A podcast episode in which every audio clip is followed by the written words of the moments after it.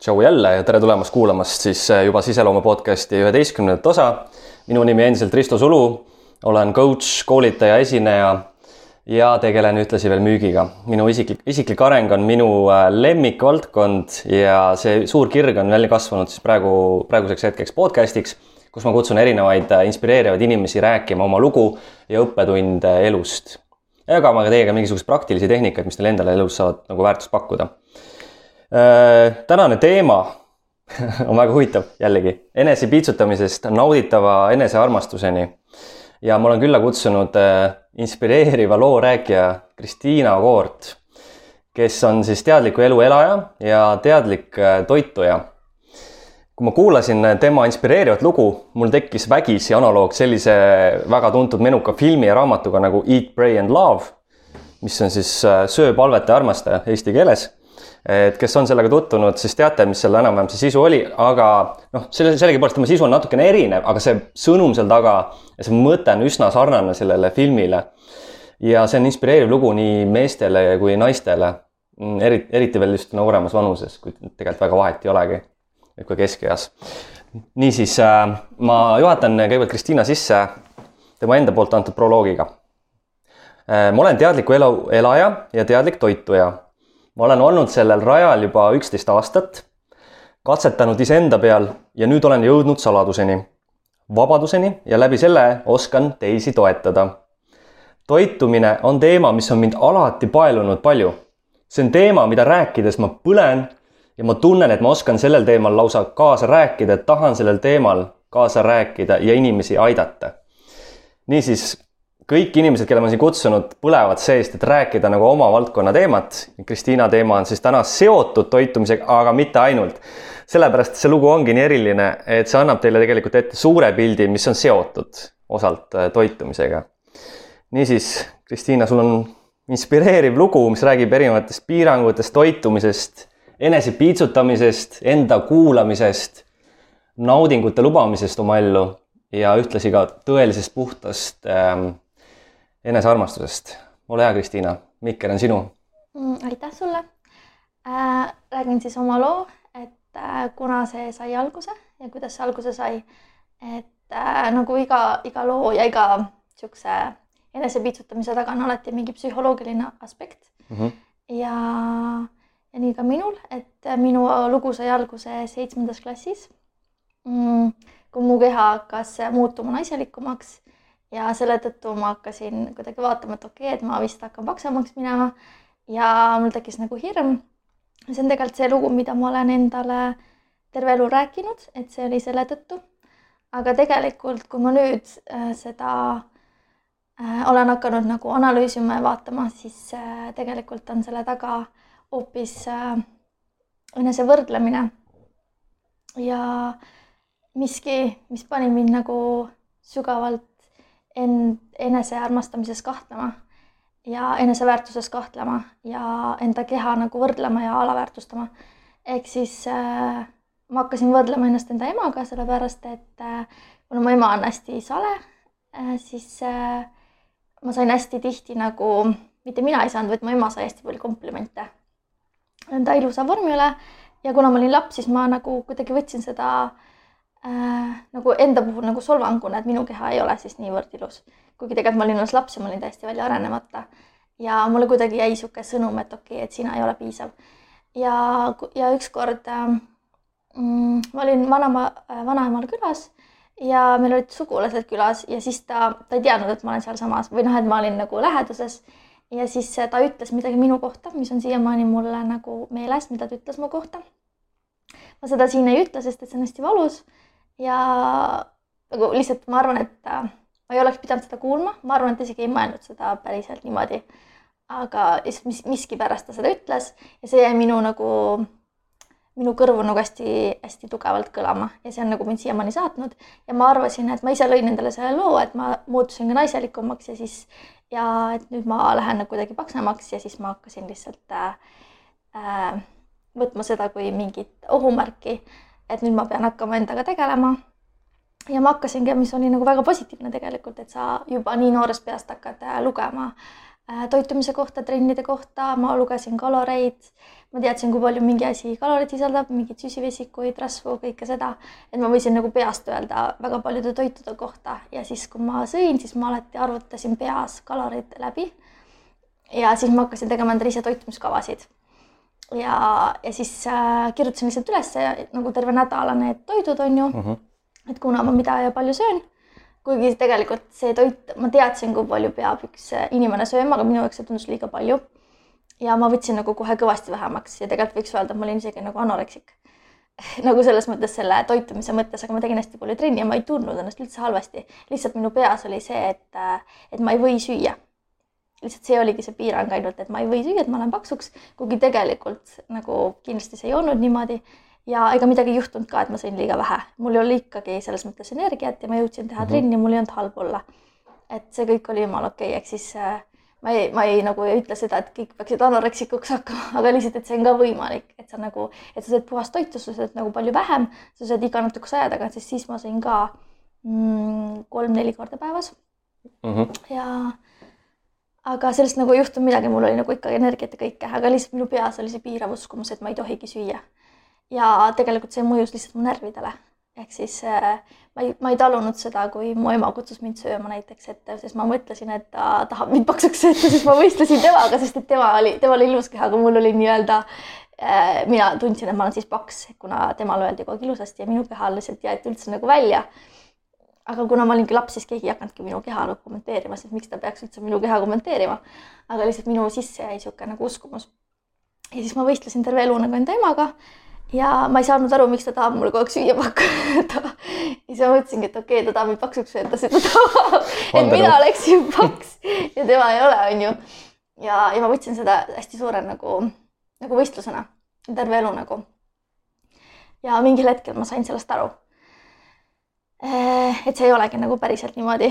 Ja, ja ma olen sellest temaga nagu rääkinud ja ema ütles ka, et issand, sa oled täitsa hull, et nagu miks sa niisugust asja, aga noh, see ongi see nagu sellepärast tuleb nagu üliettevaatlik olla sellega, kui sa kellelegi midagi ütled, et kui sa kommenteerid, isegi kui nad on lapsed, nad võtavad selle enda sisse ja nad hakkavad selle järgi elama. ehk siis isegi kui sa ei mõtle seda tõsiselt, ehk siis praegu ka, kui ma kuulan nagu ümbergi, kui inimesed ütlevad lastele mingeid asju, siis ma olen nagu see, et ma tahaks nagu öelda, nagu mida te teete, te tahate, et mm -hmm. tahate, et temast oleks samasugune nagu mida mina pidin nagu läbi elama, vaata. muidugi kõik võib-olla ei pruugi seda võtta niimoodi aga ma olin selles suhtes hästi haavatav ja, ja mina võtsin seda väga-väga tõsiselt.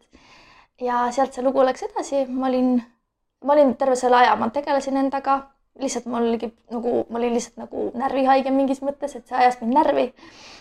toitumise teema ja kõik, või tähendab, mulle meeldis sellest hästi palju rääkida, aga ma ei tahtnud nagu libastuda, ma kartsin seda, et kodus just aga väljaspool nagu kodu ma võisin sellest hästi palju rääkida, aga ma olin ikkagi ka sõpr sõpradega ja sõbrannadega, et ma ei söönud nagu mingeid rämpsu ja asju, et ma käisin mingi poes niimoodi, meil oli kohe nagu, läksin tülli poe, poes sõbrannadega, sellepärast et nemad, nemad tahtsid nagu, nendel ei olnud piiranguid mm. -hmm. Nemad võisid süüa ükskõik mida, aga mina ütlesin, et ei, ma ei saa, mul on vaja neid tervislikke asju, mingeid, ma ei tea, mingeid puuvilju mm -hmm. ja nemad võtsid nagu kõike, mis nad tahtsid ja mul oli see, et ei, mina ei saa ja kõik vaatasid mind, et ma olen täiesti peast soe, et ma olen nii sale, et kuidas, miks sa nagu teed seda endale, aga keegi ei saanud aru sellest.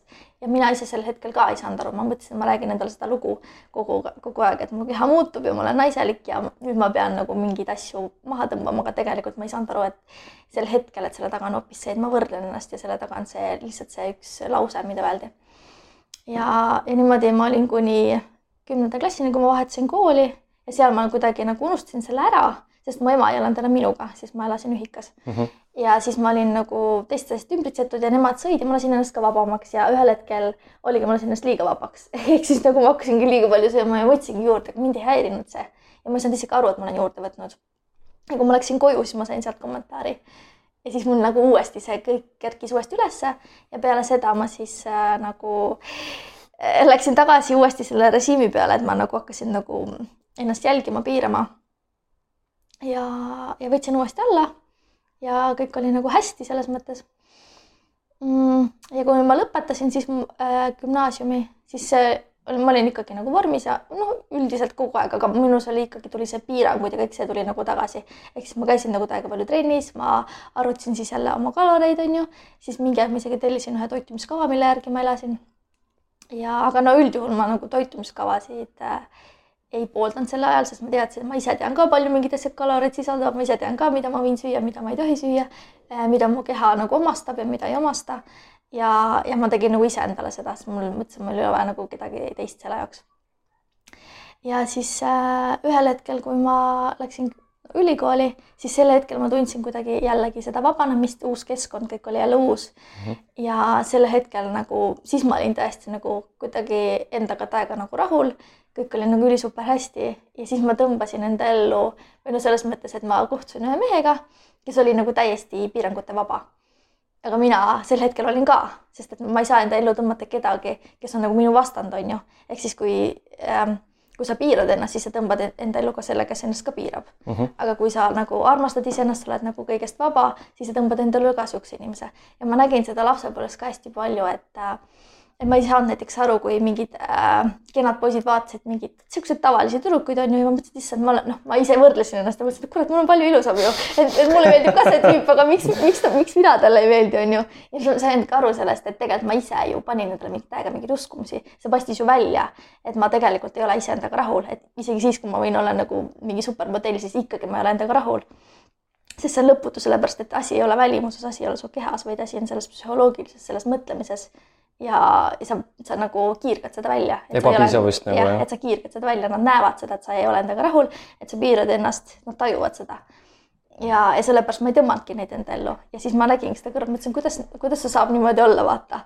ja siis ma saingi aru, et aga need inimesed ongi vabad, nad on, nad naudivad elu, nad teevad, mida nad soovivad ja nad ei pane endale mingeid piiranguid peale, ehk siis nendega ongi lihtne koos olla, sest et äh, seal ei ole ühte nagu nii-öelda niisugust inimest, kellel on piirangud, kes äh, närvitseb, on ju ja kes ei ole endaga rahul, sa ei suuda siukse inimese kõrval olla. ja, ja see oligi see, aga sel hetkel ma ei suutnud seda nagu mõista, et kuidas see saab nii olla.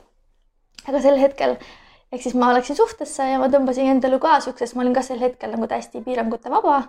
ja me läksime suhtesse ja siis mingil hetkel, noh, see on see armumise periood on ju, kõik on ilus, kena, tore ja mingil hetkel see nagu, ma võtsin jällegi juurde ja sest et siis sa oledki nagu vaba ja sa võid kõike teha mm -hmm. ja te koos olete nagu, kuna tema elas hästi-hästi nagu piirangute vabalt ja, ja siis mingil hetkel mul tuli see tagasi. sellepärast, et ma ei olnud seda mustrit veel ära murdnud, sest ma ei teadnud tegelikult, kus see muster on alguse saanud, et sa võid selle mingil hetkel nagu ära kaotada. aga see, kuna sa ei ole seda ära lahendanud, siis see tuleb mingil hetkel jälle uuesti ülesse mm. -hmm ja siis, kui ma olin juurde võtnud, siis mul jälle meenusid need sõnad, mida mul on öeldud ja ma sain aru, et issand, ma olen jälle ebapiisav ja ma ei julgenud näiteks kodus käia äh, vanemate juures et see on ka see, mille ma olen nüüd nagu mingis mõttes lahenduse leidnud või nagu mitte lahenduse leidnud, vaid äh, saanud vastuse, et miks ma kunagi ei tahtnud koju minna, sest mulle öeldi see, et äh, okei okay,, ma ei ole piisavalt kaalus äh,, ma ei ole sellises vormis, ma ei saa koju minna, sest ma ei tahtnud uuesti saada seda äh, kriitikat mm -hmm. ja seda, et, et kuule, et sa oled jälle juurde võtnud, sest ma mäletasin seda, kui ma läksin gümnaasiumi, ma olin mingi paar kuud käinud koolis ja ma läksin siis koju, kui ma olin kümnendas klassis. Ja ma sain selle kriitika, et kuule, sa oled jälle juurde võtnud, vaata ehk siis noh, võib-olla nad isegi ei mõtelnud seda nagu halvaga, aga lihtsalt nagu mainisid seda, aga minu sees oli juba see lapsepõlves see, sest see oli lihtsalt kõige haavatavam koht, mida, üldse saad mulle öelda, onju.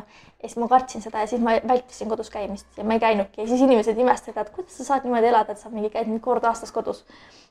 sellepärast, et äh, ma ei tahtnud saada seda kriitikat, ma kartsin seda, et ma uuesti langen nagu sinna tagasi, sinna nagu mutta ja ma hakkan nagu täiega ennast jälle piirama ja, ja selle ma sain ka nagu lahendatud nii-öelda või noh, teada alles nüüd hiljuti ja ma terve aja olen niimoodi käitunud ja mõtlen kogu aeg, et ei, et see on, ma ei taha sellepärast minna, et ma ei saa hästi läbi vaata.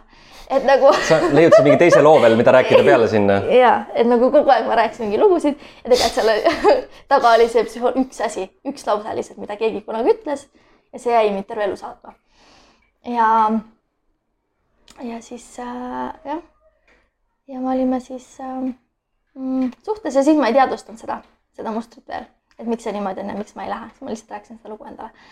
ja, ja siis ühel hetkel tuli sihuke nagu, aga üldjuhul ma olin nagu selles mõttes kogu aeg nagu vormis ja selles ma kogu aeg piitsutasin ennast ja ma kogu aeg nagu arvasin, et ei, et mina ei tohi, vaata, mina ei saa, ma kogu aeg paksuks ja siis, aga noh, ma olin hästi teadlik tegelikult sellest, et kuidas ja kui, kui palju ja kuna süüa. ja siis ma tellisin endale mingi aeg ka toitumise treeningkava ja ma, ma olin täiesti ideaalses vormis ja ma tegin nagu põhimõtteliselt selliseid kavasid, nagu teevad fitness inimesed, on ju mm. -hmm. Need, kes käivad kult, kulturistid yeah.. ja ma tegin seda kõike seda enda treeningkava kuus korda päeva wow. või kuus korda nädalas trennides, on ju. pluss veel mingi jooksmas, siis ma tegin viis korda päevas sõin, on ju seda noh, täiega palju ja siis ma mõtlen seda, et nagu inimesed räägivad, vaata, et issand, need, need, kes ka tegelevad fitness ja fitnessi teemadega, siis nad nagu, nagu ütlevad, et nad saavad vähe süüa.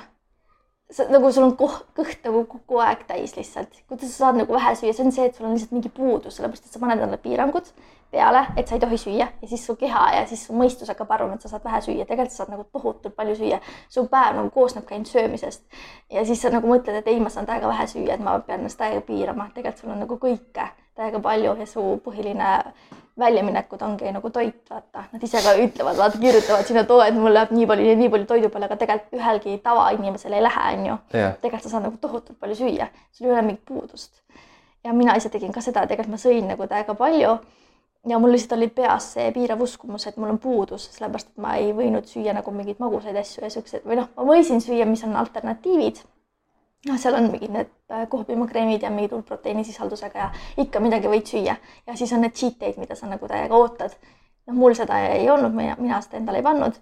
aga jah. Sa läksid veel nagu tiba kaugemale ei pane isegi cheat day'd peale, tõesti? ei, mina ei pannud ja aga mul oli see, et kui me pidime kuskile maale minema, siis ma ei saanud kunagi kaasa minna, sellepärast et äh, ma ei tahtnud, et mu trenn jääb tegemata ja siis ma kartsin seda, et kui ma lähen kuskile maale teised söövad nagu mingeid muid asju, mida mina ei või süüa yeah., siis ma lihtsalt nagu mm, olen nagu kuidagi, tuju läheb nagu kuidagi halvaks ja ma ei suuda äkki vastu panna ja ja ma mõtlesin, et ei, kui ma olen nagu oma programmis, ma olen oma, oma, oma programmis ja ma ei käi nagu väli, väliüritustel ja tegelikult, kui ma loen nende inimeste, kes tegelevad äh, hästi tugevalt nagu toitumise ja trennidega, siis need on samamoodi, vaata, nad ei käi sihukestel sotsiaalsetel üritustel, sest nad ei lähe sinna mingi oma toidukarbiga ja nad nagu äh, või nagu võib-olla lähevad ka, aga neil on nagu ebamugav ja see ongi see, et sa paned endale täiega enda elu kinni ja sa teed seda ühe eesmärgi nimel. ja tegelikult, kui me mõtleme nagu sinna taha, et miks sa endale üldse sellise eesmärgi paned, tegelikult sa oled ju täiega vormis, sul on nagu kõike, et sul, sul ei ole midagi viga.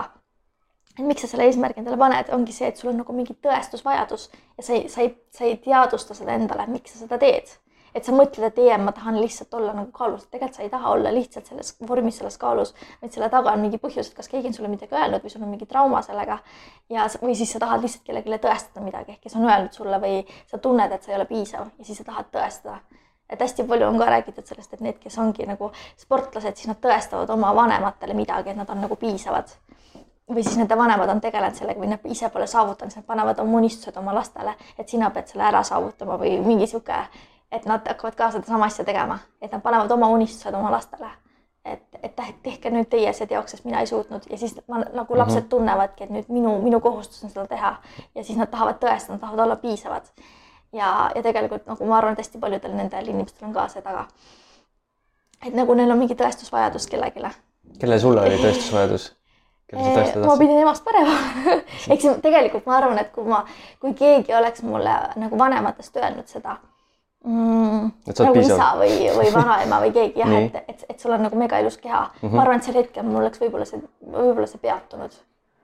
aga vaata, kuna ma sain seda kriitikat on ju peale ja ma ise, ega ma ei saanud seda lihtsalt, sest et keegi, kas tuligi kriitika või ei, seda nagu positiivset lauset ei tulnud, vaata, et oh, et sul on ilus keha, seda ei tulnud, kui see oleks tulnud, ma arvan, siis ma oleks võib-olla nagu saanud, okei okay,, see nüüd on ilus keha, siis jätame nagu selle, vaata, et nüüd, nüüd see jääbki nagu niimoodi et äh, aga, aga kuna seda ei tulnud või tuli seda kriitikat, siis ma nagu üritasin seda nagu kogu aeg nagu hoida ja saavutada ja mitte kunagi rahul olla.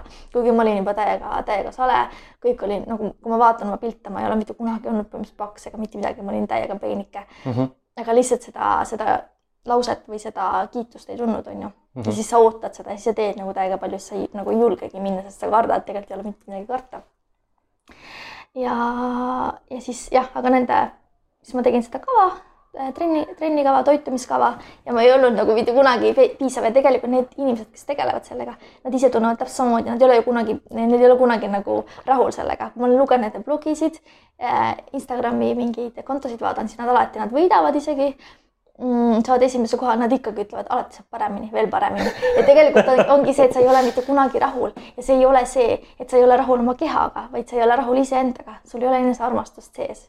ja see ongi see, mida, milleni mina jõudsin, et tegelikult ma ei ole mitte kunagi pidanud nagu võistlema nendega, mitte kellegiga, vaata mm. -hmm. sest minu sees ei olnudki seda enesearmastust, ma andsin selle ära nagu nii-öelda nagu emale nii-öelda selle enesearmastuse, et ma ootasin temalt.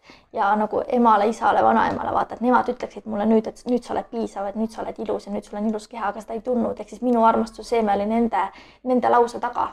armastuse seda... seeme, pange tähele siis. Seda sõna, see tuleb veel, armastuse seeme. nii, lähme edasi. ja, ja seda ei tulnud, sest ma panin, ma panin selle nagu nii-öelda oma keha peale. Ja andsin selle nagu nendele, et nendel on õigus nüüd dikteerida seda, milline minu keha peab olema, et kui nemad ütlevad, et see on nüüd piisav, nüüd sa oled väärtuslik, kui sul on selline keha, et siis sa oled, siis ma saan oma armastuse seemne nii-öelda tagasi. aga ma ei saanud seda. seda lauset mitte kunagi ei tulnud, sest alati olin nagu ebapiisav või ei öeldud mitte midagi mm. -hmm. ja, ja nii on hästi paljudel tegelikult, et äh, et see armastuse seeme tuleb nagu enda sees hoida, ise seda kasvatada, aga samas kui sa, kui vanemad ei õpeta sulle seda, nad ei anna sulle seda tööriista kätte, nad ei ütle sulle, et sa oled piisav sellisena, nagu sa oled, siis, äh, siis sa ei oskagi seda ise hoida siis sa hakkadki seda nagu väljaspoolt otsima. ja siis ma tegin seda kava ja ma ei olnud mitte kunagi rahul sellega, kui ma olin, ma vaatan neid pilte, siis ma olin nagu paistsin läbi vaatama, olin nagu täiesti nagu mis asja nagu sa ajad. aga jah, sest et sa ei näe seda, sellepärast et sul on vaja seda väliselt, et keegi kinnitaks seda, et nüüd on. ja sest ma ise ei suutnud seda nagu endale teadvustada sel hetkel. ja, ja siis edasi läks niimoodi, et äh, mingi hetk ma lihtsalt ise murdusin, et ma enam seda kava nagu noh, ma ei jaksanud seda enam teha, ma lihtsalt ühel hetkel, ma mäletan, et ma ka mõtlesin, et ei, nüüd aitab, vaata, et mul on savi. ja ma lõpetan ära, aga tegelikult ega ma sisimas, ma võin selle ühel hetkel öelda, et nüüd aitab, on ju, ja ma annan alla. aga samas, kui sa seda probleemi endale ei teadvusta, kust see alguse sai, siis see ei kao mitte kunagi ära. sa võid selle ühel hetkel nagu korraks ära lõpetada ja see tuleb alati tagasi. mingi, mingis situatsioon, situatsioonis keegi alati tuletab sulle seda meelde, ehk siis keegi alati aktiveerib selle yeah. uuesti selle tunde. ja siis sa oled selle inimese peale pahane, et miks ta mulle nii ütles, aga tegelikult ega tema ei ole selles süüdi, et ta nii ütles. vaid sinu sees on see tunne, mis lubab selle aktiveerida, sest sa ei ole seda nagu mustrit ära lahendanud mm. -hmm ehk siis alati, kui me oleme kellelegi vihased, siis me ei ole vihased selle inimese peale vaid nemad aktiveerivad selle ja nemad ütlevad sulle midagi ja siis see aktiveerib sinus selle tunde ja siis sa pead mõtlema selle, et okei okay,, mul on see tunne, ma kogen viha, ta ütles mulle niimoodi ja siis sa lähed tagasi oma minevikku ja mõtled, et okei okay,, kust see alguse sai, kes oli esimene inimene või mis oli see situatsioon, kes mulle niimoodi ütles ja miks see minu hinge nii tugevalt jäänud, miks see mind aktiveerib, on ju. et see ei ole kunagi see, et praeguses situatsioonis, see ei ole nagu see, et keegi lihtsalt aktiveerib ja siis sa pead nagu teadvustama, ma praegu kogen viha ja miks ma seda kogen, kust see on tulnud, sa ei pruugi seda kohe mäletada. aga nagu kui sa selle nagu jätad õhku, siis mingil hetkel see tuleb või sa kirjutad selle lahti enda jaoks ja siis see tuleb nagu mingil hetkel sa hakkad mäletama seda, kui sa hakkad endaga tegelema. aga kui sa jätad nagu selle, et ei, see inimene, ma olen tema peale vihane ja sa tegeled ainult selle pealmise kihiga, no siis ei tulegi mitte kunagi välja, see jääb alati sind häirima. ehk siis nagu sa ei saagi sellest mustrist mitte kunagi lahti. et alati on nagu põhjus sügavamal. ja, ja siis ühel hetkel mm, tuligi niisugune pakkumine, et ma sain minna Erasmusega Rumeeniasse ja ma läksin, mul oli hästi tugev tunne nagu, mul ei olnud isegi nagu selles mõttes selleks nagu raha ja mingid nagu lihtsalt ma mõtlesin, et lihtsalt ma nägin seda pakkumist ja siis ma mõtlesin, et jee, et nagu ma tahan minna mm. -hmm. ja lihtsalt keegi Facebookis jagas seda nagu, et äh, võib-olla ta ise ei saanud minna, ta tahtis oma koha nagu ära anda, pidi nagu edasi pakkuma ja ma lihtsalt nägin seda ja see oli isegi inimene, keda, kellega ma tegelikult nagu ei suhtle, vaata. ja ma lihtsalt nägin seda ja mõtlesin, et noh, Rumeenia, pole isegi kunagi mõelnud niisuguse koha peale nagu Rumeenia, vaata, et nagu tahaksite minna. ja siis mul, mul oli lihtsalt nii tugev tunne, et ma pean sinna minema. ja, ja ma läksingi sinna, see oli kaks nädalat. ja seal ma kogesin nagu seda, et, et äh, seal oli nagu kõik nagu toidukorrad ja kõik asjad olid nagu noh, sa ei pidanud millegi peale muretsema, vaata, mitte millegi peale mõtlema, sa lihtsalt olid seal teiste inimestega koos tegid neid äh, päevaseid tegevusi, see kõik oli nagu sinu eest äh, tehtud ja sa lihtsalt olid seal ja kogesid kõike seda ja olid nende inimestega ühes seltskonnas. ja see oli niisugune hästi-hästi positiivne ja täiesti teistsugune kogemus, ma tundsin, et ma olen täiesti nagu kuskil täiesti teises reaalsuses. ehk siis nagu niisugust asja ei ole nagu võimalik endale ise tekitada kuidagi ja siis sa mõtlesid, et appi, et äh, see oli nagu hästi-hästi imeline. ja siis seal nagu ma armusin ühte hispaanlasse ja sealt nagu see kõik sai alguse selles mõttes, et äh, tema pani mind nagu nii-öelda, ma ei saa öelda, et tema pani on ju, sest need tunded on kõik minu enda sees. aga tema tekitas või andis mulle selle tõuke, et ma olen nagu armastust väärt ja ma olen sellisena äh, nagu kõige nagu ilusam, armastusväärsem inimene, nii nagu ma olen ja tema nagu kinnitas mulle seda iga oma lause ja käitumisega ja, ja siis ma hakkasin seda uskuma ja ma hakkasin iseennast nagu palju rohkem hindama. ja, ja siis äh, ja sel, sellel hetkel nagu, kuna meil oli hästi tihe programm ja õhtuti oli hästi palju pidusid, siis ma põhimõtteliselt iga öö magasin mingi kolm-neli tundi, ehk siis nagu kõik ööd olid magamata ja mul ei olnudki nagu enam isu, täpselt see, et sa oled armunud, siis sa nagu unustad selle toidu, see on nagu täiesti mõttetu. seda polegi vaja, on ju, sest sa tahad lihtsalt olla selle inimesega koos, sa tahad olla selles armastuse energias ja, ja sa nagu eladki selle pealt. Ja, ja siis ja kuna me pidustasime, me jõime alkoholi me ei maganud väga palju ja mul oli ikka hea, mul oli ikkagi hea olla mm. -hmm. ma mhm. sõin nagu täpselt nii nagu, nagu mul oli tunne, nagu ma tahtsin ja, ja see lihtsalt nagu siis oli nagu savi, et seal on saiakesed, Nutella, see kõik oli lihtsalt nagu imehea ja ma sõin seda nii palju, kui ma tahtsin ja mul ei olnud nagu mingi, mitte mingit probleemi. ja kui ma läksin koju, siis ma vaatasin, et issand, ma olen nagu täiega palju alla võtnud. Ja, ja siis ma lõpetasin oma selle suhte, sest ma tundsin, et enam niimoodi ma ei taha jätkata ja ma tegin selle nagu päevapealt selle otsuse või tähendab, ma olin juba reisil ja ma juba tegin selle siis selle otsuse. Ja, ja siis ma läksin nagu se sellega edasi ja ma jäin sellesse kaalu, sest ma elasin selle armastuse tunde pealt ja siis ma hakkasin nagu iseennast hästi palju kuulama ja mõtlesin, et okei okay,, et nüüd ma olen nagu nii-öelda vaba, onju, et mul ei ole nagu elukaaslast, ma olen nagu üksinda ja ma olen armastuse energias, mul on armastuse tunne, mul on see inimene, ta on küll Hispaanias nüüd, aga sel hetkel ta on minuga kogu aeg energeetiliselt me oleme seotud me suhtleme hästi palju, ma saan temalt seda energiat hästi palju. Ja, ja siis ma nagu hakkasin mõtlema, et oot, aga mida mina siis elust, elult nagu tahan. ja, ja sel hetkel nagu minu jaoks see toit ei olnud sel hetkel enam nagu mingi, mingi teema, vaid ma lihtsalt elasingi selle armastuse energia pealt, ma olin ikka väga heas kaalus. mulle meeldis see, kes ma olin ja siis ma hakkasin tegelema oma kirgedega, ehk siis ma hakkasin tantsima, mis oli minu elu nagu selles mõttes lapsepõlve unistus mm.. ja ma avastasin selle ja, ja see võttis nagu minu äh, enamus päevadest, siis alguses ma käisin no kaks korda nädalas, siis ma hakkasin käima juba mingi neli korda nädalas, siis lõpuks ma käisin nagu põhimõtteliselt äh, kuus korda nädalas ja ma olin kolm tundi järjest nagu iga päev, võtsin kõikidest trennidest osa, ma lihtsalt nagu, see oli lihtsalt see kirg ja see nauding, et sa tahad seal olla. ja ma tegin seda hästi palju. aga mingil hetkel see armastuse tunne nii-öelda kadus ära, sest ma sain, tulin nagu maa peale, et ma sain aru, et oot, aga seda inimest tegelikult ei ole siin ja see, see ei lähe edasi et see on nagu, see oli see üks, see kord ja ma elasin nagu selle pealt ja siis ühel hetkel see, nagu mõtlesin, et okei okay,, aga tegelikult see ju jääbki niimoodi, et ma ei saa ju nagu elu lõpuni äh, jääda niimoodi elama. ehk siis äh, ehk siis see kadus ära ja siis tegi jälle see, tuli jälle see, et oot, aga nüüd ma pean ise hakkama ennast armastama. aga ma ei suutnud veel seda teha, sest ma ei olnud veel seda mustrit nagu murdnud. Ehk siis äh, tegelikult ei saa keegi teine mulle seda pakkuda, on ju, et see töötab lihtsalt mingi aja ja siis see kaob jälle ära, et sa pead ikkagi selle armastuse iseenda seest leidma, ise seda nagu kasvatama. ja see tants aitas hästi-hästi palju, ehk siis, sest see oli minu see unistus, see oli kirg, see pakkus mulle seda energiat ja tohutult palju energiat, ehk siis kui ma käisin nagu tantsimas, siis nagu inimesed võivad mõelda, kui nad teevad trenni, et siis nad peale trenni neil ei ole võib-olla energiat mm -hmm. kui sa tegeled sellega, mis sulle päriselt meeldib ja mis on nagu kirg ja see nauding, siis peale seda sul see energiatase nagu tõuseb. ja mul oli nagu pooled ööd olid kõik magamata, sellepärast et mul lihtsalt energia oli nii laes, et ma mõtlesin, kuhu ma selle ära saan suunata, et mul pole kuskil seda panna, et ma tahan midagi veel teha ja mul oli nii hea olla lihtsalt. ja, ja niimoodi ma, ma olin nagu mingi, ma ei tea, mingi pool aastat või, elasin nagu selle pealt ja siis tuli suvi ja siis ma nagu kuidagi see tantsu jäi ka veits vähemaks ja siis ma hakkasin nagu äh, kuidagi, siis ah,, siis mul tekkis see buliimia, sellepärast et mingil hetkel see armastus kadus ära, tantsu jäi ka vähemaks, ma tundsin, et oota, ma, ma ei jaksa ikka niimoodi.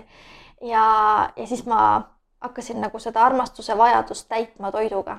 ehk siis see ongi see esimene mm. see, et et äh, emotsioonid laovad ülesse ja siis esimene asi, mida sa tahad, emotsioonid küsivad mingit äh, süüa, onju. me arvame lihtsalt, nad küsivad süüa, tegelikult nad ei küsi süüa. aga lihtsalt see on see, mida sa tahad, et sinus on puudus ja kui sul on puudus, sa tahad ennast nagu millegagi täita. tegelikult sa tahad armastuse tundega ennast täita või läheduse vajadusega või jah, läheduse puudusega või lähedusega mm. -hmm. ja siis äh,, aga sa ei, sa ei oska seda sõnastada võib-olla. ja siis sa lihtsalt nagu mõtled, et okei okay,, et ma siis hakkan sööma. või lihtsalt tähendab, et sul tulebki see nagu isu toidu järgi. aga tegelikult see ei ole nagu toit, et kui sa oskad nagu õigel ajal öelda, et nagu stopp, mida sa tegelikult tahad tegelikult sa oskad võib-olla sõnastada, tegelikult ma tahan kellegagi koos olla, tegelikult ma tahan armastust. aga noh, keegi teine ei saa nagu nii-öelda pakkuda sulle seda, et sa pead ise seda ennem välja kiirgama. ehk siis sinu sees on nagu see nii-öelda armastuse seeme on läinud õitsema ja siis see annab sulle nagu seda energiat ja vilju, on ju, ja siis sa nagu teised peegeldavad sulle tagasi. ja siis ma lihtsalt tekkiski bulimia, et äh, hakkasin täiega palju sööma ja lihtsalt nagu selle, seda armastust äh, nii-öelda toidust leidma ja siis sõin nagu liiga palju ja siis ma tundsin jällegi süümepiinu, et oota, ma olen liiga palju söönud. ja siis ma tundsin, et okei okay,, et nüüd mul on vaja siis midagi teha, et tekib see kannatuste periood, aga kuna ma trenni ei tahtnud teha, siis ma vihkasin trenni tänu sellele et ma, et ma tegin seda toitumise treeningkava, siis sellest mul jäi täiesti see, et ma ei taha enam mitte ühtegi programmi, et ma ei taha mitte ühtegi trenni, ma ei taha mitte mingit toitumiskava. et mm -hmm. seda ma ei, kindlasti enam ei, ei võta oma ellu.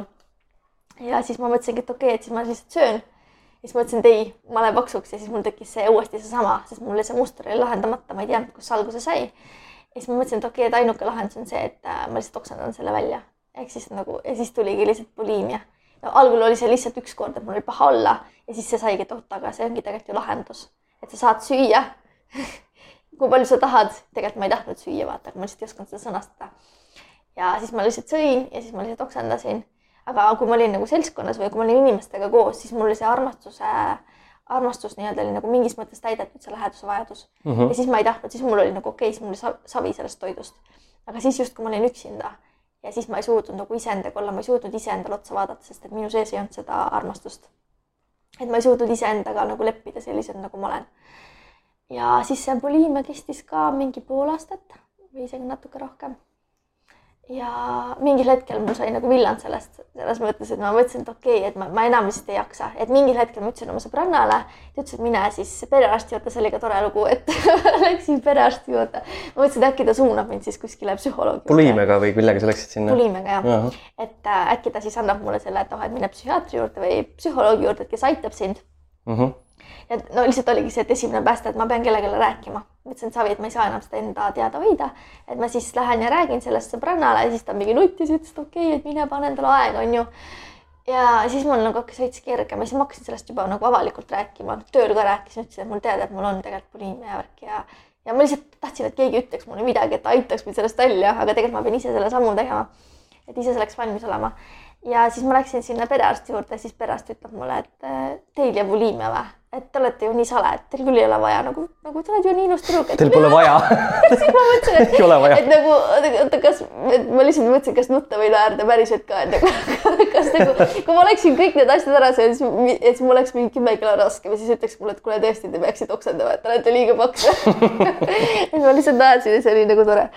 aga ei, sellest ma ei saanud mingit abi, sellepärast et äh, ükski see psühholoog mulle ei vastanud, kelle ta, kelle juurde ta mind suunas ja siis ma lihtsalt läksin sellega edasi ja mingi hetk ma lihtsalt nagu sai sellest villand ja ma mõtlesin, et okei okay,, et aitab. et äh, nüüd ma lasen nagu kõik piirid nagu lahti, et savi, et ma võin süüa kõike, mis ma tahan ja teha, mis ma tahan. ja siis äh,, ega ma ise ka algul ei suutnud seda uskuda. Ja siis äh,, siis ma mõtlesingi, et okei okay,, et aga kuidas siis minu see endine elukaaslane elas, et tema võis kõike süüa, et tal ei olnud ühtegi programmi, mingit piirangut. et, äh, et mõtlesin selle peale, et kuidas siis tema nagu elu elas ehk siis põhimõtteliselt tal ei olnud seda, et äh, kui programmidega või nii-öelda selle toitumiskavadega on see, et, et sa sööd nagu iga mingi teatud tundi tund, nagu kolme-nelja tunni tagant on ju. sul on nagu täpselt ajakava paigas, et kui ma olin ka selles programmis, siis ma ka alati sõin nagu niimoodi, et et äh, ma pidingi ärkama näiteks laupäeval juba kell seitse on ju, et kell kaheksa hakata sööma ja nagu selles mõttes ma panin endale täiega mingid piirangud peale ja siis mõtledki, et aga kuidas teised inimesed saavad siis niimoodi, et aga kui sul on see programm peal, kuidas sa siis ärkad nagu hiljem, siis õhtusöök ju läheb täiega hilisesse aega ja siis sa ei jõua viis korda päevas ära süüa ja no täiesti mingi sihuke. ja siis ma mõtlesin, et okei okay,, kuidas siis tema sai, tema lihtsalt magas, ärkas, sõi seda, mida tahtis, on ju. et no ärkab ka üles, et ta ei, ta ei tahagi kohe võib-olla süüa, ta sööb alles siis, kui kõht on nagu tühi ja siis mõtlesin, et okei okay,, et aga äkki peaks seda proovima. ja, ja siis lihtsalt hakkasingi intuitiivselt nii-öelda toituma, et see, mis tunne tuli, seda sõin. ja, ja kuna sõin ja siis põhimõtteliselt need toidukorrad läksidki umbes kahe, kaks korda päevas umbes ja ma sõingi seda, mida ma tahtsin. ja ma lubasin endale kõike aga mingil hetkel, kuna need, ma sõingi mingeid saiakesi, pastasid, pitsasid on ju, mida ma olin terve elu nagu pida-, pidanud enda jaoks nagu keelatud toitudeks, et neid mina ei või süüa, siis sel hetkel ma lasin nagu kõik lahti, ma sõin kõik need asjad nagu nii-öelda tagantjärgi ja proovisin seda.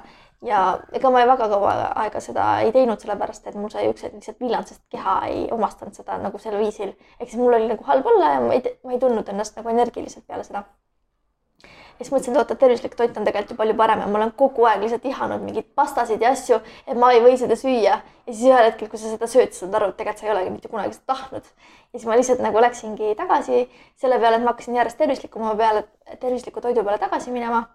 ja ühel hetkel ma pidin minema reisile, siis ma mõtlesin, et ma teen selle smuutikuuri läbi et kolm päeva, siis mõtlesin, et oot, aga mul on niisugune eelarvamus, et smuuti küll kõhtu ei täida. Ja siis ma mõtlesin, et äh, okei okay,, aga et kuna kõik on nagu vabatahtlik, et nüüd mul enam ühtegi piirangut ei ole, siis ma enam ei viitsi. ja et ma ei taha olla stressis, et nüüd on kõik nagu savi tuleb, mis tuleb.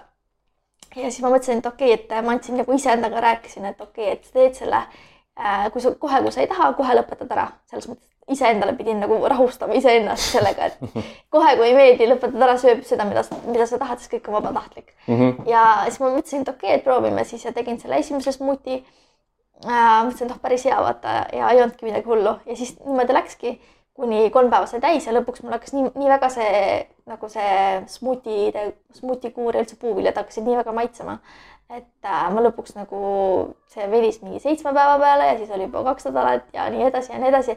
ja lõpuks ma sain aru, et oot, aga ma olen juba nagu toortoitlane, et nagu, et siis ma hakkasin selle kohta uurima. ja siis ma sain sellest hästi palju inspiratsiooni ja see oli üks inimene, kes tegeles, äh, kes oli toortoitlane ja siis ma küsisin temalt mingit informatsiooni, et kuidas tema toitub, et ja mulle täiega sobis see, mulle meeldis see, aga mul oli nagu ikkagi selles mõttes, kui ma tahtsin midagi muud süüa, siis ega ma ei olnud nagu, ma ei liigitanud ennast toortoitlaste hulka. et ma lihtsalt ikkagi sõin seda, mida ma tahtsin. ja, aga lihtsalt see oli see, mis mulle kõige rohkem nagu naudingut nii-öelda pakkus ja see oli see, et mul oli peale seda väga hea ja kerge olla.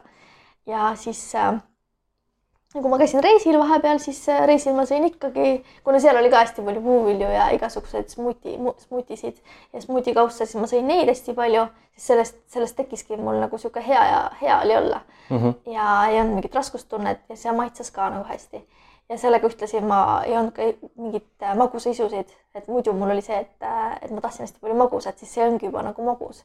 et see nagu see kadus ka ära ja, ja siis äh, ühel hetkel äh, ma käisin uuesti reisil, siis oli hoopis see, et ma sõin seal liha ja muid asju ja ma tundsin seda, et oot, aga tegelikult see ongi see, et ma ei ole seda mitte kunagi tahtnud. et äh, mu kehal ongi raske olla ja mu keha ei suuda seda kõike omastada ja nagu smuutid ja üldse puuviljad, juurviljad ongi see põhiline, mis, mis minu kehale meeldib.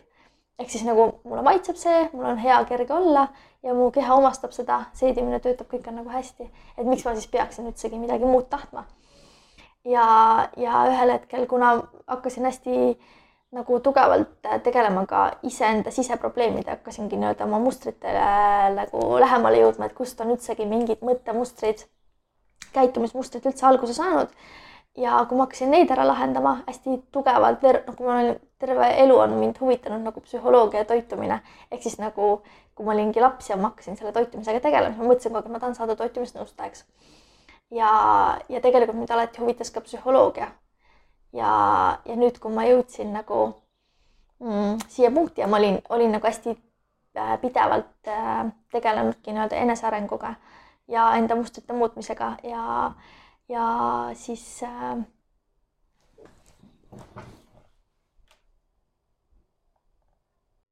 ja siis hakkasin nii-öelda kirja panema enda mustreid, kuhu ma, mis, mis on minu, mind nagu läbi terve elu saatnud.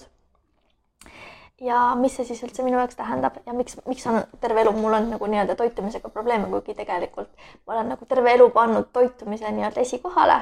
aga tegelikult toitumine on nagu täiesti teisejärguline asi, ehk siis nagu me peaksime elama hoopis nagu naudingutes ja hästi palju panema enda päeva naudinguid pakkuvaid tegevusi ja kui ma selleni jõudsin, et tähendab, see jõudmine jõudiski, jõudmine, see jõudis minuni siis, kui, kui tuligi see karantiini aeg ja mul oli aega nagu iseendaga tegeleda ja, ja mõelda. Ja mitte mõelda ja, ja siis äh, ma lihtsalt nagu olin ja sel hetkel ma saingi aru, et oota, ma olen kodus, mul ei ole stressi, ma ei pea kuskile kiirustama, ma saan teha täpselt nii, nagu mulle meeldib, käia jalutamas, olla lihtsalt iseendaga koos. ja sel hetkel ma hakkasin nagu iseennast palju rohkem väärtustama, hindama, nägema. ja saingi aru, et oota, aga nagu toit on nagu täiesti nagu teisejärguline, et nagu, et see ei olegi nagu mitte mingi asi, et ma põhimõtteliselt nagu sööngi siis, kui tuleb tuju või isu, on ju ja, ja ma kuulangi nagu täielikult oma keha, et mida ta nagu tahab ja tavaliselt ta tahabki lihtsalt nagu mingeid värskeid asju. ja vahest tuleb ka mingi muu isu, siis ma söön seda. aga ma alati nagu mõtlen, et oota, et kuna praegusel hetkel ma olen üksinda ja ainuke, kes mulle nagu emotsioone saab tekitada, olen ma ise. sest et ega ma väga ju kellegagi kokku ei saa siis ma saan aru, et oot, aga varem mul tekkisid igasugused asjad ja ma igasugused isud. Ja see oligi see, et, et minu elus olid inimesed, kes tõid minu esile need emotsioonid, tekitasid minust mingeid tundeid. Ja siis ma nagu, kuna need tunded mulle näiteks ei meeldinud, siis ma lihtsalt nagu lohutasin ennast toiduga. Mm.. aga tegelikult ma oleks pidanud selle emotsiooniga tegelema, ehk siis kust see emotsioon on alguse saanud ja mis on minu, minu, mul selle emotsiooni või selle tunde kunagi lapsepõlves tekitanud, ehk siis kust see trauma on alguse saanud. Ja siis ma nüüd hakkasin nagu sellega hästi põhjalikult nii-öelda tegelema ja panema kirja igasuguseid asju, et mis on minus viha või mingit kurbust või midagi tekitanud. Ja ma sain aru, et okei okay,, et, et kui mul, minu sees on hästi tugev enesearmastus ja ma tean enda kohta hästi palju, siis teised inimesed ei saa mind nagu mõjutada. Et siis ma kui ma oskan ennast nagu kontrollida, et kontrollin nagu minu käes, mitte teiste käes, et ma ei jaga oma armastuse ja eneseemneid inimeste vahel laiali, siis, siis keegi ei saa nagu mult seda ära võtta. ehk siis see on kogu minu sees, minu sees on see nagu tüvi või, ja siis äh, teised ei saa mind niimoodi mõjutada, sest mina olen ise tugev. ja siis ma jõudsin nagu sellele, ma hakkasin hästi palju seda kirja panema ja siis hakkasid nagu tulemagi mustrid välja ja ma kirjutasin siis enda, endale nagu välja, et mida tähendab üldsegi toit ja mida tähendab naudingud et, äh, et me hästi palju ähm, sisustame oma päeva meeldivate tegevustega ja mõtleme, et oh, et meeldivad tegevused või siuksed, mida tuleb lihtsalt ära teha, et meil ei ole selle vastu mitte midagi. kui me näiteks, ma ei tea, koristame, teeme süüa, et see on nagu elu üks osa. aga tegelikult see ei ole ju see, mida me tahame nii-öelda, et see ei ole nagu nauding. ehk siis ma tegingi sellise, et naudingut pakkuvad tegevused on need, et kui sa mõtled selle peale niimoodi, et sa juba tahaksid seda teha või seal olla ja kui sa oled selles naudingus, siis sa oled nagu hetkes, ehk siis sa ei suuda mõelda millegi muu peale, sest et see hetk on lihtsalt niivõrd nauditav, et sa noh, sul ei tule isegi midagi muud, sul ei saa, sul ei saagi tulla midagi muud pähe, sellepärast et see, sa tahad lihtsalt selles hetkes olla, sa ei taha, et see mitte kunagi lõpeks. ja kui see üks, üks hetk lõpeb, siis sa tahad nagu seda uuesti kogeda ja, ja see, see tekitab sinust nagu positiivseid emotsioone ja energiatõusu. ehk siis, aga kui sa sööd siis toiduga on see, et sa võidki mõelda, et sul on kõht tühi, et sa tahad süüa, et sa ei jõua ära oodata. kui sa sööd, siis sa kunagi tegelikult ei ole hetkes ja sa ei mõtle selle toidu peale, et issand, et mis siin, mida siin, mida see küll sisaldab ja tahaks nagu sellest rohkem teada või et see oleks lõputult või kui sa sööd, siis enamasti me ikkagi mõtleme mingi muu asja peale. või me vaatame kõrvale telekat või, või mida iganes. enamasti küll, jah. et me tegelikult ei, ei ole hetkes ja isegi kui sa oled ja see tõesti on väga nauditav, siis nauditavad on kaks esimest ampsu ja edasi läheb lihtsalt söömiseks, sest et see maitse ei muutu, see ei lähe kuidagi paremaks. et sa lihtsalt sööd sellepärast, et äh, see tükk on sul ees ja sa lihtsalt sööd selle lõpuni. aga, aga kui see söömine nii-öelda lõpeb, siis isegi kui sa mõtled, et tahaks nagu juurde, siis sa ei mõtle selle peale, et tahaks nagu mingi kümme kaussi sama, sama toitu süüa mm. -hmm. et äh, ja peale seda nagu tekib pigem niisugune raskustunne, kui sa sööd nagu väga palju. et äh, ja siis sa see energiatase ei tõuse, et see pigem nagu jääb nagu samaks. et see nagu positiivne emotsioon ei tõuse nagu hästi-hästi kõrgele nagu peale naudinguid pakkuvaid tegevusi, ehk siis ma sain ka aru, et toit ei ole üldsegi mingisugune nauding. et ta on küll energia, aga ta on teistmoodi energia, ehk siis ta on energia selleks, et äh, organism saaks töötada, et organismi tööks on see vajalik. ja siis mul tuli hoopis see ka veel mõttesse, et äh, samamoodi nagu kui sa sõidad rattaga ja rattal on ratta, rattakett on ju, et siis lihtsalt äh, kui ratta, rattakett on nii-öelda, et ta ei ole enam nii õline, et ta nagu läheb juba kuivaks, ta hakkab krigisema, siis samamoodi nagu kui toit nagu sul on kõht tühi, siis kõht hakkab korisema ja siis sa lihtsalt nagu nii-öelda õlitad neid orga, organeid toiduga, et sa lihtsalt annad talle nagu vajalikku toitu ja siis sa saad edasi töötada samamoodi nagu sa õlitad rattaketti, et ta saaks edasi töötada, aga see ei ole nagu see, et me paneme endale igasuguseid asju sisse ja sööme sellepärast, et süüa, et tegelikult äh, toit on vajalik selleks, et organism saaks töötada ja siis sa saad edasi minna ja siis sa saad nagu teha oma nauditavaid tegevusi. ja. lülitatud organitega lihtsalt saad rattaga edasi sõita nii-öelda mm. -hmm. et ja siis teha midagi, mis sulle pakub naudinguid, on ju. et aga kui me kaotame iseennast ära ja lähmegi nii-öelda emotsioonide küü- äh, nagu, et emotsioonid võtavad meist nagu võimust. Ehk siis nagu intuitiivsel toitumisel on ka kaks seda, et sa võid mõelda, et aga ma olengi intuitiivne toituja. ehk siis ma sööngi seda, mida ma tahan, aga kui sa nagu sööd emotsioonidega kooskõlas, siis sa võid ka olla nii-öelda intuitiivne toitumine, aga siis emotsioonid kontrollivad sind, mitte sina ei kontrolli ennast ja oma emotsioone. et selles mõttes, et ma nagu mõtlesin ka seda, et et sina oled nagu enda keha ja tunnete, mõtete ja tegevuste ja kõige selle boss on ju, et siis sa nagu, sina kontrollid kõike seda, mitte emotsioonid ei kontrolli sind. Seal oli mingisugune hea metafoor, ma mäletan, sa tõid selle alkoholiga seoses tõid selle emotsioonidega hästi esile, mäletad seda lugu? sul on mm ühtlasi blogis selle kohta üks artikkel kirjutatud, saad sa sellest lähemalt rääkida korra uh,? ma ei mäleta seda praegu aa, see on see, et äh, alkoholid, et äh, tekitavad ka sinus ju need emotsioonid, sa joo, nagu jood ju tegelikult äh, mingit, mingisuguste emotsioonide pärast, et need ära uputada nii-öelda alkoholiga, aga ja. alkohol on justkui sinu boss selles mõttes no ja selles mõttes, et mõnedel inimesel on see, et nad hakkavad sööma, aga mõned inimesed hakkavad nagu jooma, aga see, mida ma seal kirjutasin, oli pigem see, et alkohol toob välja sinu selle päris mina, vaata. et see, kes sa tegelikult oled mm,. väga hea. et äh, mina, mina ise tegin selle teooria endale, vaata, et, et selles mõttes, et kui ma hakkasingi nagu nii-öelda iseendaga tegelema, siis mul lihtsalt ühel hetkel tuli, et oot, et aga äh, alati on nagu räägitud sellest, et kui inimesed tarbivad alkoholi, siis äh, et vaata, kuidas see inimene siis käitub, on ju, ja siis, kui sa lähed kellegagi nii-öelda tutvud ja lähed suhtes, siis öeldakse, et joo taimene täis. Ja siis sa saad teada, kes ta tegelikult on, aga tegelikult see ei olegi nagu nali, see ongi ju päriselt. ja siis ma hakkasin lihtsalt seda nagu mõtlema, et oota, aga milline mina olen siis, kui ma nagu joon alkoholi ja siis ma sain aru, et oota, aga tegelikult siis, kui ma joon alkoholi, ma ei ole ju üldse nagu tagasihoidlik, ma ei ole vaikne, mulle meeldib täiega palju rääkida ja mulle meeldib tantsida ja mulle meeldib igasuguseid asju teha. ehk siis ma mõtlesin, et aga muidu, kui ma ei joo alkoholi, siis ma olen pannud endale nagu nii-öelda selle maski ette, et aa, et ma olen nagu vaikne ja häbelik. ja siis ma lihtsalt mõtlesin, et aga miks see on niimoodi, et miks ma siis nagu kardan, et nüüd ma, ma hakkan nagu vaikselt selle maski alt nagu välja tulema, sest ma sain teada jällegi selle sündmuse et iga asjaga on alati seotud, sa ei ole nagu niisama see mm, -hmm. et nagu sa ei peida ennast niisama ära, et alati on nagu mingi lugu selle taga või mingi trauma. ja, ja mina sain ka teada selle trauma, et miks, miks ma olen ennast nagu peitnud ära ja miks ma olen arvanud kogu aeg, et ma olen tagasihoidlik ja vaikne, kuigi tegelikult mulle täiega meeldib esineda ja mulle täiega meeldib rääkida ja ma ei ole üldse niisugune vaikne aga kui ma sain sellest traumast teada, siis see nagu kuidagi lahustus ära ja ma hakkasin palju rohkem nagu rääkima, ennast avama ja olema see, kes ma tegelikult olen. ja, ja siis see nagu kattubki sellega, kui ma olen alkoholi joonud, et milline ma siis olen ja mis mulle siis meeldib teha, et siis nagu me elame ju täpselt samas maailmas. et äh, siis, kui me joome alkoholi või kui me ei joo, ega meie maailm ümbert ei muutu ju. et siis meil on ju kõik justkui nagu võimalik kõike teha.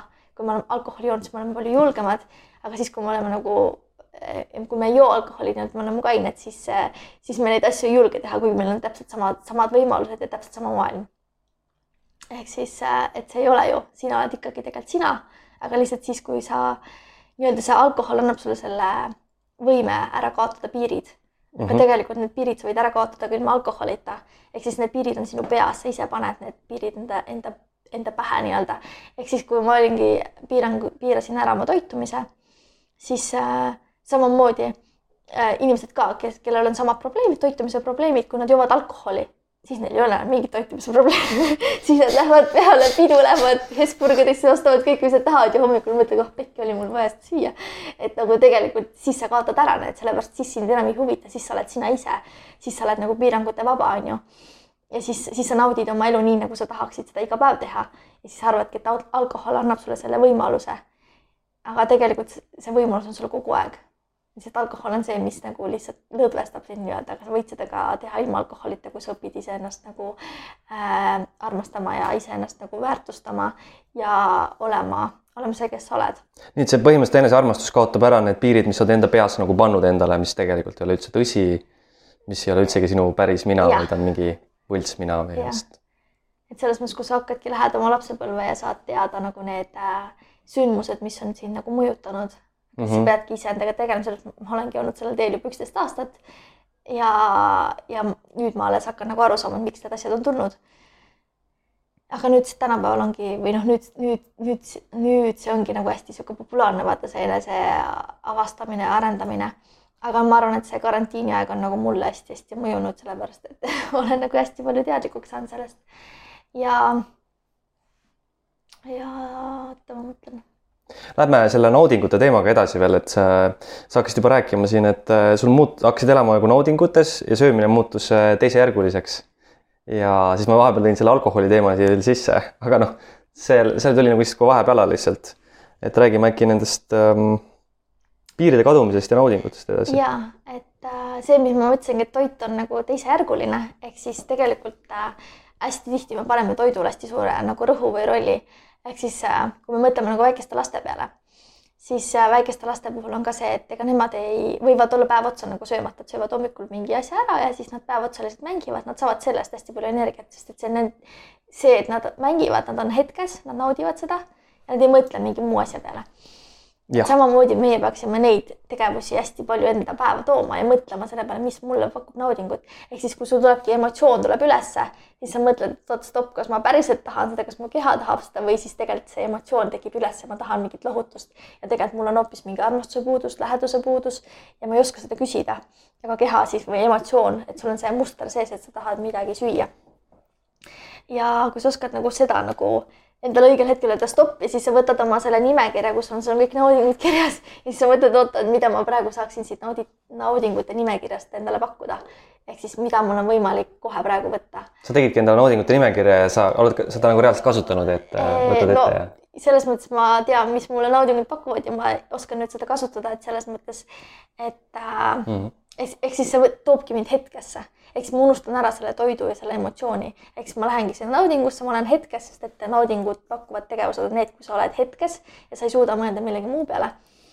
ja, ja siis ma olen hetkes ja ma naudin seda hetke ja see peale seda tegevust nii-öelda mul siis energiatase tõuseb ja peale seda ma suudan nagu olla avatum, olla rõõmsam ja peale seda ma suudan nagu ära teha ka kõik need meeldivad tegevused ehk siis näiteks, kui sa alustadki päeva oma naudingut pakkuva tegevusega, siis peale seda su energiatase on lihtsalt niivõrd laes, sest et see oli lihtsalt nagu niisugune nauding, on ju, ja siis peale seda sa võid teha kogu oma, ehk siis terve päev on nagu peale seda palju produktiivsem, ehk siis sa teed kõik oma meeldivad tegevused ka ära niimoodi, et sa isegi ei pea selle peale nagu mm, nagu mõtlema või mõtlema, et ah, ma ei taha ikka seda teha, onju. selles mõttes, kui sa teed nagu toidu nagu isegi kui sulle meeldib võib-olla süüa teha, siis sa teed toidu valmis, aga peale seda sa ei mõtle, et oota, tahaks nüüd uuesti süüa teha mm. -hmm. et sa mõtled, oh, nüüd on tehtud, et nüüd on sellega rahu.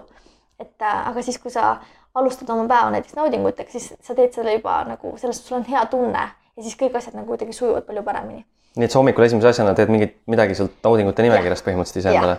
et anda oma päevale niisugune positiivne algus, ehk siis hakata hmm. tegema oma päeva produktiivsem, produktiivsemaks ja veel nauditavamaks. ehk siis saada see energialaeng, sest tegelikult kui sa hommikul sööd, sööd, siis ega, siis sul võib-olla tekib see, et ah, ei viitsi veel tööle minna, tahaks veel istuda, onju. aga see on just see, mis annab sulle selle tõuke, sest et toit on küll energia, aga see on teistsugune energia et see on nagu teisejärguline, et sul on rohkem vaja neid asju, neid tegevusi, mis annavad sulle naudingut. saad sa mingi hea näite tuua, sul need väga lihtsad tegevused on ju, mis saavad anda naudinguid, mis sulle pakub siis naudinguid? mis sa, mis sa hommikuti teed nagu esimese asjana? Äh, no mina olen hetkel äh,, hästi paljudel on kindlasti meditatsioon äh,, mis annab talle nagu selle päeva esimeses osas näiteks selle tõuke, on ju mm, -hmm. nagu toob sind hetkesse kohale, et see on ka see, et, et võib-olla see on see, et lihtsalt äh, võib-olla see ei olegi nii naudi, naudingut pakkuv, sa tead, et see lihtsalt toob sind hetkesse, aga samas see annab sulle mingit energiat. no minu puhul näiteks see, et äh, ma kuulan äh, siukseid äh,, Youtube'is on siuksed asjad, mis äh, motiveerivad sind hästi siukse tugeva siukse energiaga, mis panevad sind nagu toovadki sind nii-öelda hetkesse, et sa kuulad seda, neid lauseid, mida nad ütlevad, annavad sulle hästi tugeva energia ja teotahte. eks nad sisu, sisendavad sinu sisse seda, et, et sina oled kõige või, võimsam, sina suudad kõike teha, et kui üks inimene juba suutis seda teha, siis suudad sina ka seda teha. eks nad annavad sulle hästi siukse tugeva mõjutuse, vähemalt minu puhul see hästi-hästi toimib mm. -hmm. ja ma olen ka ise endale teinud nagu siukseid äh, lindistusi nii-öelda iseendale, et ma iseendale räägin seda, mida ma tahan ja mis mulle meeldib enda juures ja siis ma ise kuulan seda.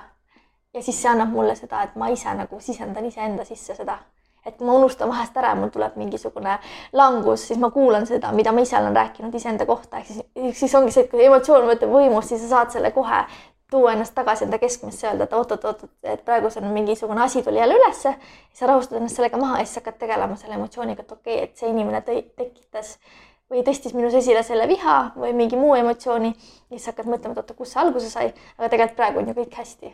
et selles mõttes see on mingi vana viha või mingi vana sündmus, et see ei tegelikult ei mõjuta sind praegu ja see inimene ei teinud sulle mitte midagi. ehk siis ja, et aga näiteks äh, mis hästi siuksed tavalised asjad on, mis pakuvad naudingut, minu puhul on näiteks tantsimine on ju, et ma olen sel hetkel olengi nagu täiega hetkes ja ma naudin seda ja mulle see meeldib mm. -hmm. ja seda saab ka üksinda kodus teha, kuigi see võib-olla ei ole nagu kõige naudi-, nauditavam, aga samas on. ja mis mulle hästi meeldib, on massaaž on ju, seks, kõik siuksed asjad on nagu, mis, mille, mille ajal sa oled nagu hetkes. et äh, ja siis toidu puhul on ka see, et, äh, et mis ma ütlesin, toit on nagu teisejärguline, on see, et me hästi palju paneme nagu toidule, anname hästi sulle rõhu, et kui me saame inimesed kokku, siis ma alati mõtlen, et oot, mis ma siis kaasa võtan, on ju, et mis me siis sööme. või siis, kui sa äh, kutsud nagu inimesed külla, siis ka, et oota, mis me siis, mida me siis pakume või mis me siis teeme. et kui sa teed mingi õhtusöögi, siis jälle nagu rõhk on nagu toidul, aga tegelikult, kui sa võtad selle nagu selle sündmuse nüüd lahti, siis sa tegelikult ei taha süüa sel hetkel, vaid sa tahad nende inimestega kokku saada, sa tahad jagada emotsioone, sa tahad jagada energiat, sa tahad inimestega lihtsalt suhelda, sa tahad seda lähedust. Ja siis sa paned lihtsalt jälle sellele kokkusaamisele paned nagu nimeks õhtusöök, ehk siis jälle mingi toiduga mingi teema või kui sa lähed nagu kinno kellegagi teidile, siis noh, see on jälle, seal on söök, seal on film, aga tegelikult, mida sa tegelikult tahad, on selle inimesega tutvuda või siis selle inimesega koos olla mm. -hmm. et, et sa paned alati selle mingi toidu või mingi muu asja sinna juurde, ehk siis äh, jah, toit on tegelikult täielikult teisejärguline, ehk siis ja energiat me ei saa sellest toidust, vaid me saame sellelt teiselt inimeselt, me jagame seda energiat ja tema mm -hmm. annab sulle neid emotsioone. grilllihaga on sama lugu, et suvel vaata eestlased armastavad grillida väljas mm. -hmm samamoodi nagu päike tuleb välja, me muutume koheselt nagu hästi vabaks kohe, laseme -hmm. piirid valla eestlastena. aga, aga grilllihaga noh, selles mõttes seostuvadki, mis lähedus, sõbrad, äh, sinna juurde veel sageli õlu, siider on ju ja sellised asjad mm, -hmm. aga mida me tegelikult tahame, me tahame seda sotsiaalset lähedust, me tahame inimestega lävida ja suhelda lihtsalt, on ju niimoodi? jah, just, täpselt. et äh, tegelikult ongi see, et sa saad ju fookuse panna ainult ühele asjale. et kui sul ongi see grillpidu, on ju, siis fookus tegelikult on selle inimestega suhtlemisel.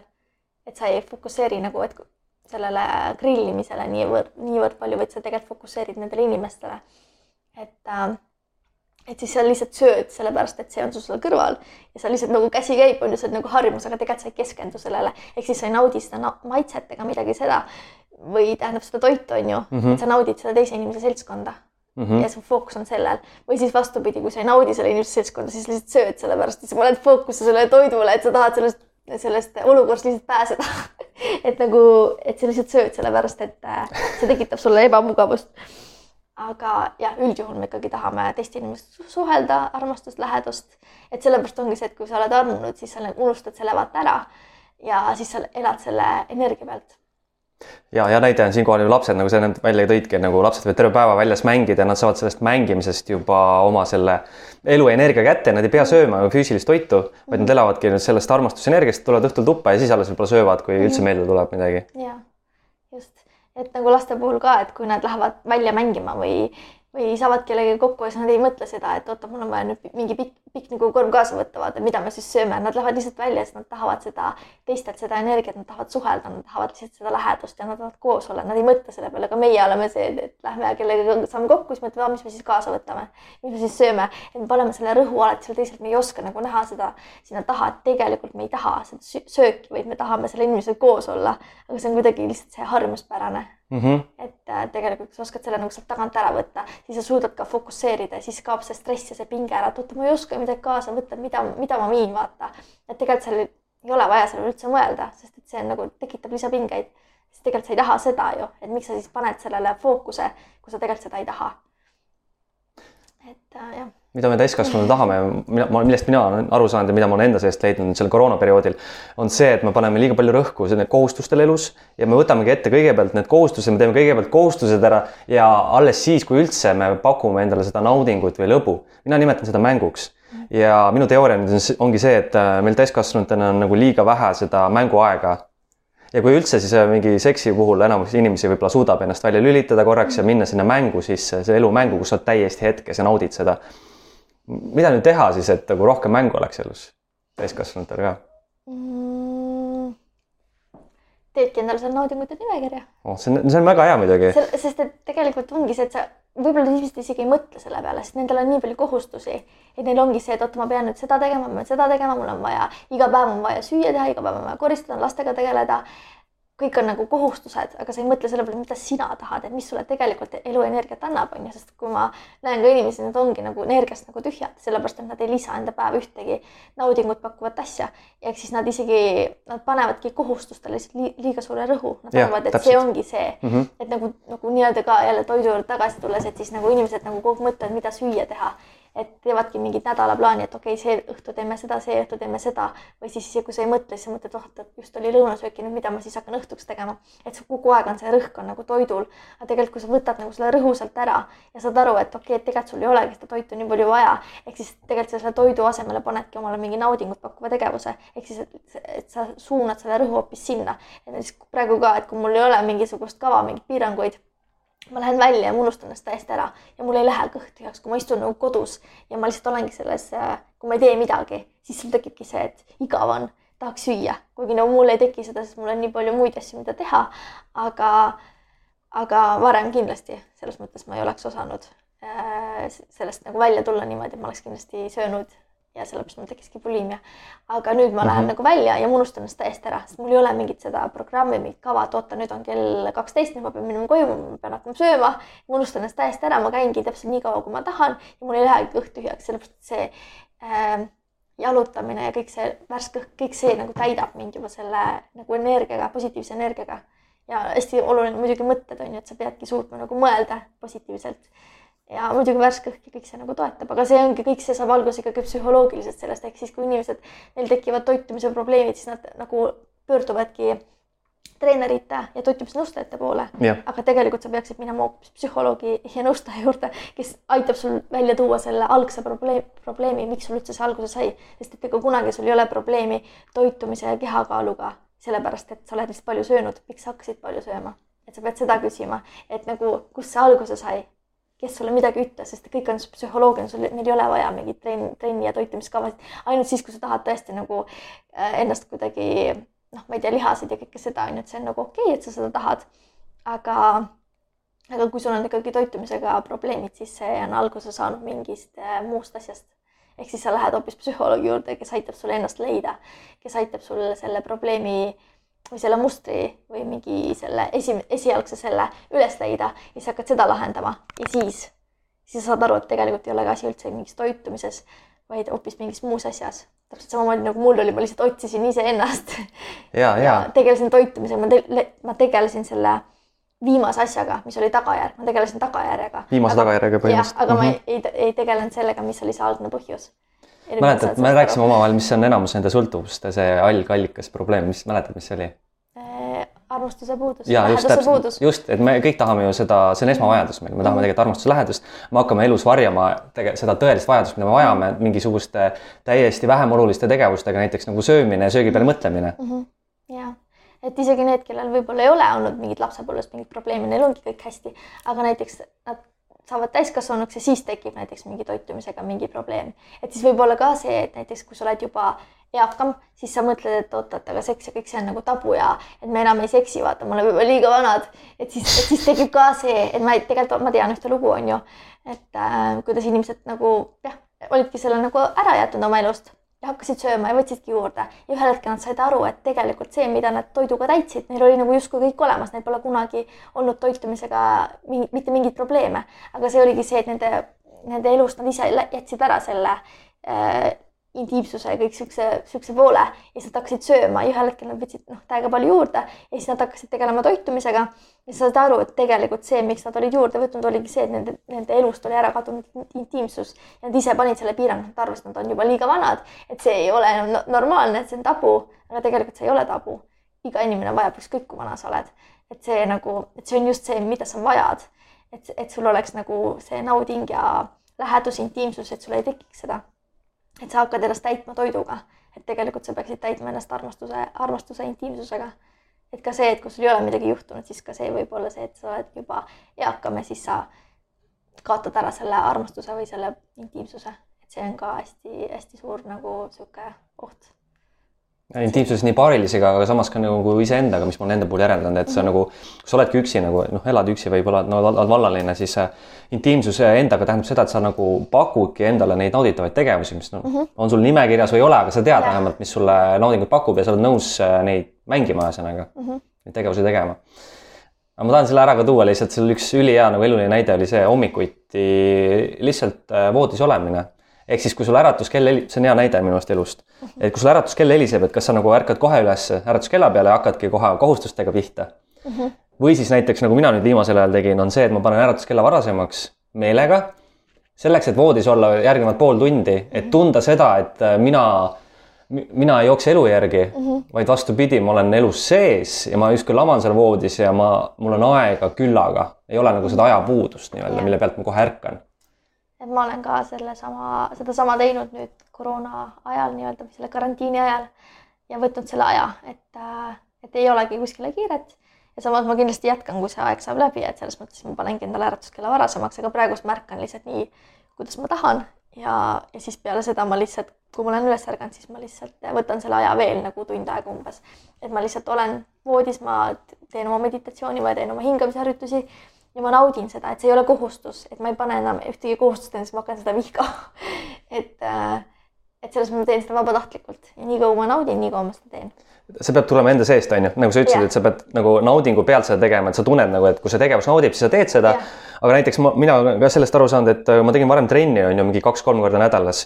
aga nüüd ongi see, et kui mul tekib see kohustustunne enda sisse, et mul tuli meelde, et aa, ma pole nüüd kolm päeva trenni teinud ja ma pean seda tegema, siis ta ei ole nagu justkui nagu õigest kohast tehtud trenn, on ju. siis ma teen seda justkui puudusest või mingisugusest hirmust, et nüüd jääb mhm. tegemata, nii nagu sina kunagi rääkisid, et sul jääb söömata näiteks. Mhm, sul tekib see rutiin ja see või sihuke sõltuvus, vaata. aga sa ei tohiks seda tehagi rutiinseks selles mõttes et, äh, et sa võtadki seda vabalt, et siis, kui mul seda täna ei ole seda tunnet, siis ma ei tee, et see ei ole see, et ma pean iga päev see kell seda tegema, vaid sa lihtsalt nagu võtadki vabalt. et kui mul täna ei ole seda tunnet, siis ma ei tee, et sa ei sunni ennast seda tegema. et ma arvan, see, et, et selles mõttes siukse mm., siuksel intuitiivsel elamisel või söömisel ja kõigil sellel ongi see üks, üksainuke reegel on kõik kogu selle minu elustiili juures nii-öelda, mida ma nüüd olen siis avastanud, on see, et süüd ei tohi tunda, et sa elad ilma süütundeta, see on ainuke reegel. kui sa hakkad süüd tundma, siis on pekkis. see on väga hea reegel, elada ilma süütundeta, see oli sellesama filmi Eat, Pray and Love'i nagu see põhisõnum ka kusjuures. oli või? ma ei ole seda filmi, ei ole seda suutnud vaadata, siis ma hakkasin seda ükskord kunagi vaatama, aga see ei tõmmanud mind, ehk siis ma jätsin selle pooleli ja, aga see on ainuke reegel, mida ma olen endale pannud ja ma alati lohutan sellega, et kohe, kui sa tunned, et sa ei taha asja lõpetada ära, siis ma tean seda, et see on minu jaoks on see niisugune nagu mm, sihuke hirm, et ma kukun jälle kuskile auku mm. -hmm. eks ma ei ole, ma tean, et ma ei ole veel nagu nii tugev inimene, et ma nüüd olen täiesti, et ma täielikult armastan iseennast ja et öelge mulle, mida tahate, vaata, et ma ei murdu mitte kunagi, et ma kindlasti ei ole veel sellel, sellel tasemel. et aga ma kindlasti olen sinna, sinna teel ja, ja juba on algus tehtud. et see on hästi oluline. ja mis ma veel tahtsin öelda, et, et äh, just see ka, et miks Äh, sügiseti vaata, et nagu hästi-hästi sihuke energiaallikas on ka sihuke värske õhk ja päike ja vesi ja kõik see on ju yeah.. et äh, kui sügis tuleb, siis noh, päike nagu kaob ära, on ju, või noh, jääb vähemaks ja, ja siis tekib külm ja siis me või nagu see kliima muutub nii-öelda, et siis me hakkame ka nagu äh, rohkem sööma, sest me arvame, et, et nüüd on vaja nagu talveks mingit rasva koguda. Mis tegelikult ei ole üldse tõsi, selles mõttes, et et äh, lihtsalt ilm läheb külmaks, sa paned lihtsalt ennast soojemat riidesse ja, ja siis jood sooja teed, kui sa vajad midagi. ja tegelikult sa tahad lihtsalt päikest, sa tahad lihtsalt päikeseenergiat, sest päike on hästi-hästi tugev energiaallikas. ja sealt sa saad selle positiivsuse ja siis see kaob ära ja siis sa lihtsalt hakkad, tekibki niisugune masenduse periood, nagu hästi paljudel inimestel ongi sügiseti masenduse periood ja see ongi see kõige hullem, et mida inimesed kardavad Mm -hmm. mina ka alati seda perioodi kuidagi nagu kartsin, et ma ei tahtnud jälle langeda sinna, see aasta oli esimene kord, esimene aasta, kui ma sinna ei langenud, sellepärast et mul piirid olid lahti. High five. Ja, ja kuidagi suutsin nagu ennast rohkem väärtustada, hinnata ja, ja ma tantsisin ja ma tegingi seda, mis mulle pakkusid naudinguid, ehk siis ma sisustasin oma päevi naudingut pakkuvate tegevustega, ehk siis ma ei kukkunud sinna auku, ehk siis oligi see, et sa saad sellest aru, et sa võtad selle energia siis nendelt teistelt tegevustelt, aga mitte toidust ja mitte et, et see ei ole see, et, et sa lihtsalt igatsed seda päikest ja kui sa teadvustad endale seda, et tegelikult sa tahad päikest ja paned siis soojad riided selga ja, ja lihtsalt naudid seda värsket õhku kasvõi noh, väljas nagu nii-öelda mm, -hmm. et ja või siis käidki kohtades, kus sa saad seda energiat või, või siis ise nagu, ma ei tea, tegeled mingi asjaga, mis pakub sulle naudingut, siis sa ei kuku sinna auku. et siis et need naudingut pakkuvad tegevused ongi need, kuhu sisse sa ennast tunnustad, nii-öelda, et kui sa seda hakkad tegema, siis aeg lihtsalt nagu, aega ei olegi olemas, selles mõttes see aeg on lihtsalt illusioon, vaata, et nagu seda ei saa kuidagi tegelikult mõõta. või noh, seda saab mõõta, aga see ei ole nagu, aega ei ole tegelikult olemas. et, äh, et siis sa lihtsalt unustad ennast sinna sellesse tegevusse et sa lihtsalt teed seda ja sa võiksid seda lõpmatuseni teha. et neid, neid, neid tegevusi on meil hästi palju nagu oma ellu vaja lisada ja teadvustada endale, mida meie tegelikult tahame teha. Need on justkui päikesetegevused, selles mõttes me kõik tahamegi seda soojust ja, ja seda soojustunnet enda sees tunda mm. -hmm. me tunneme seda soojustunnet siis, kui me ju teemegi neid tegevusi juba või me oleme need tegevused lõpetanud, nagu sa ütlesid, meil on palju rohkem energiat, kui me oleme mm -hmm. need tegevused lõpetanud, minu meelest neid tegevusi peakski olema nagu hästi palju ja mitmekesiselt ja sa peakski jätkama elus, elu sisse nagu sellise müsteeriumi ja tegema neid täiesti suvalisel hetkel oma elus mitte nagu harjumuspäraselt ja süsteemselt, sellepärast et siis kaob ära nagu see lõbu ära või niisugune üllatusmoment elus. et tavaliselt me need naudingut pakkuvad tegevused jätame just nagu välja oma elust mm. -hmm, et see on nagu lisa, et see on nagu boonus, et kui jääb aeg üle, siis teeme, on ju. Aga tegelikult see ongi just esmane põhivahet, sellel peaks olema kõige suurem rõhk ja jätma kõik need kohustused ja, ja siuksed meeldivad tegevused sinna teisejärguliseks. panin tä-, praegu mul tuli niisugune mõte ka pähe, et ma olen nagu kuidagi see kollektiivses alateadvuses eestlastena sees, et ennem töö ja siis lõbu, oled kuulnud võib-olla? Et see ongi see. see tuleb sealt, see tuleb juba vanadelt esivanematelt eestlastelt, mis ei ole tänapäeval üldse enam relevantne ja oluline. tänapäeva maailm on nii muutunud juba. me peame endale pakkuma ennem kõigepealt nauditavat tegevust, alles siis me saame tegelikult töötada ju efektiivsemalt nii et hoopis vastupidi peaks olema see asi, mitte niipidi, nagu vanavanemad on öelnud meile. jah, aga ma lõpetuseks siis ütlekski, et, äh, et põhimõtteliselt jah, et kui teil on mingid probleemid, on ju, et siis nagu ärge otsige seda, kui teil on toitumisega probleemid, et siis et toitumine on nagu tagajärg. et tegelikult asi on psühholoogilises pooles, et äh, ja kui sa tahadki abi, siis nagu toitumisnõustaja saabki sind aidata selle toitumise poolega, aga see mitte kunagi ei kao sul ära, kui sa ei tea algpõhjust. ehk siis tegelikult sa pead minema psühholoogi või nõustaja juurde või siis ise kaevama seal enda minevikus ja leidma selle algpõhjused, kust see alguse sai ja siis sellega tegema rahu, et andestama sellele inimesele, kes niimoodi ütles, et tõenäoliselt ei mõelnud sulle, ei mõelnud sulle, ei mõelnud seda kuidagi halvaga. nagu minu puhul, puhul oli, on ju, et ma lihtsalt ise võtsin seda kuidagi, et tegelikult see ei olnudki mulle suunatud. et äh, et lihtsalt see ära lahendada, andestada sellele inimesele, andestada iseendale ja teha nagu sellega rahu. et, äh, et tegelikult see on hoopis mingi muu, mingi muu asi on selle taga. et ja täpselt samamoodi see võistlemine teistega ja, ja, ja üldse enda võrdlemine teistega. et äh, see tulebki kuskilt, et keegi on sind kunagi ilmselt kellegagi võrrelnud ja siis sa oled võtnud selle, et ma peangi nüüd kogu aeg võistlema ja nagu võrdlema ennast teistega. et äh, tegelikult see pole absoluutselt niimoodi, et sa võistled ja võrdled ennast ainult iseendaga ja leiad selle armastuse seemne iseenda seest. Ja kui sa hakkad tegema neid tegevusi, mis pakuvad sulle naudingut, siis sa juba leiadki selle enesearmastuse hästi tugevalt, sellepärast et sa oled kogu aeg naudingutes, sa naudid iseennast selles tegevuses. et see ongi see, et sa pakud endale seda armastust selle, selle läbi.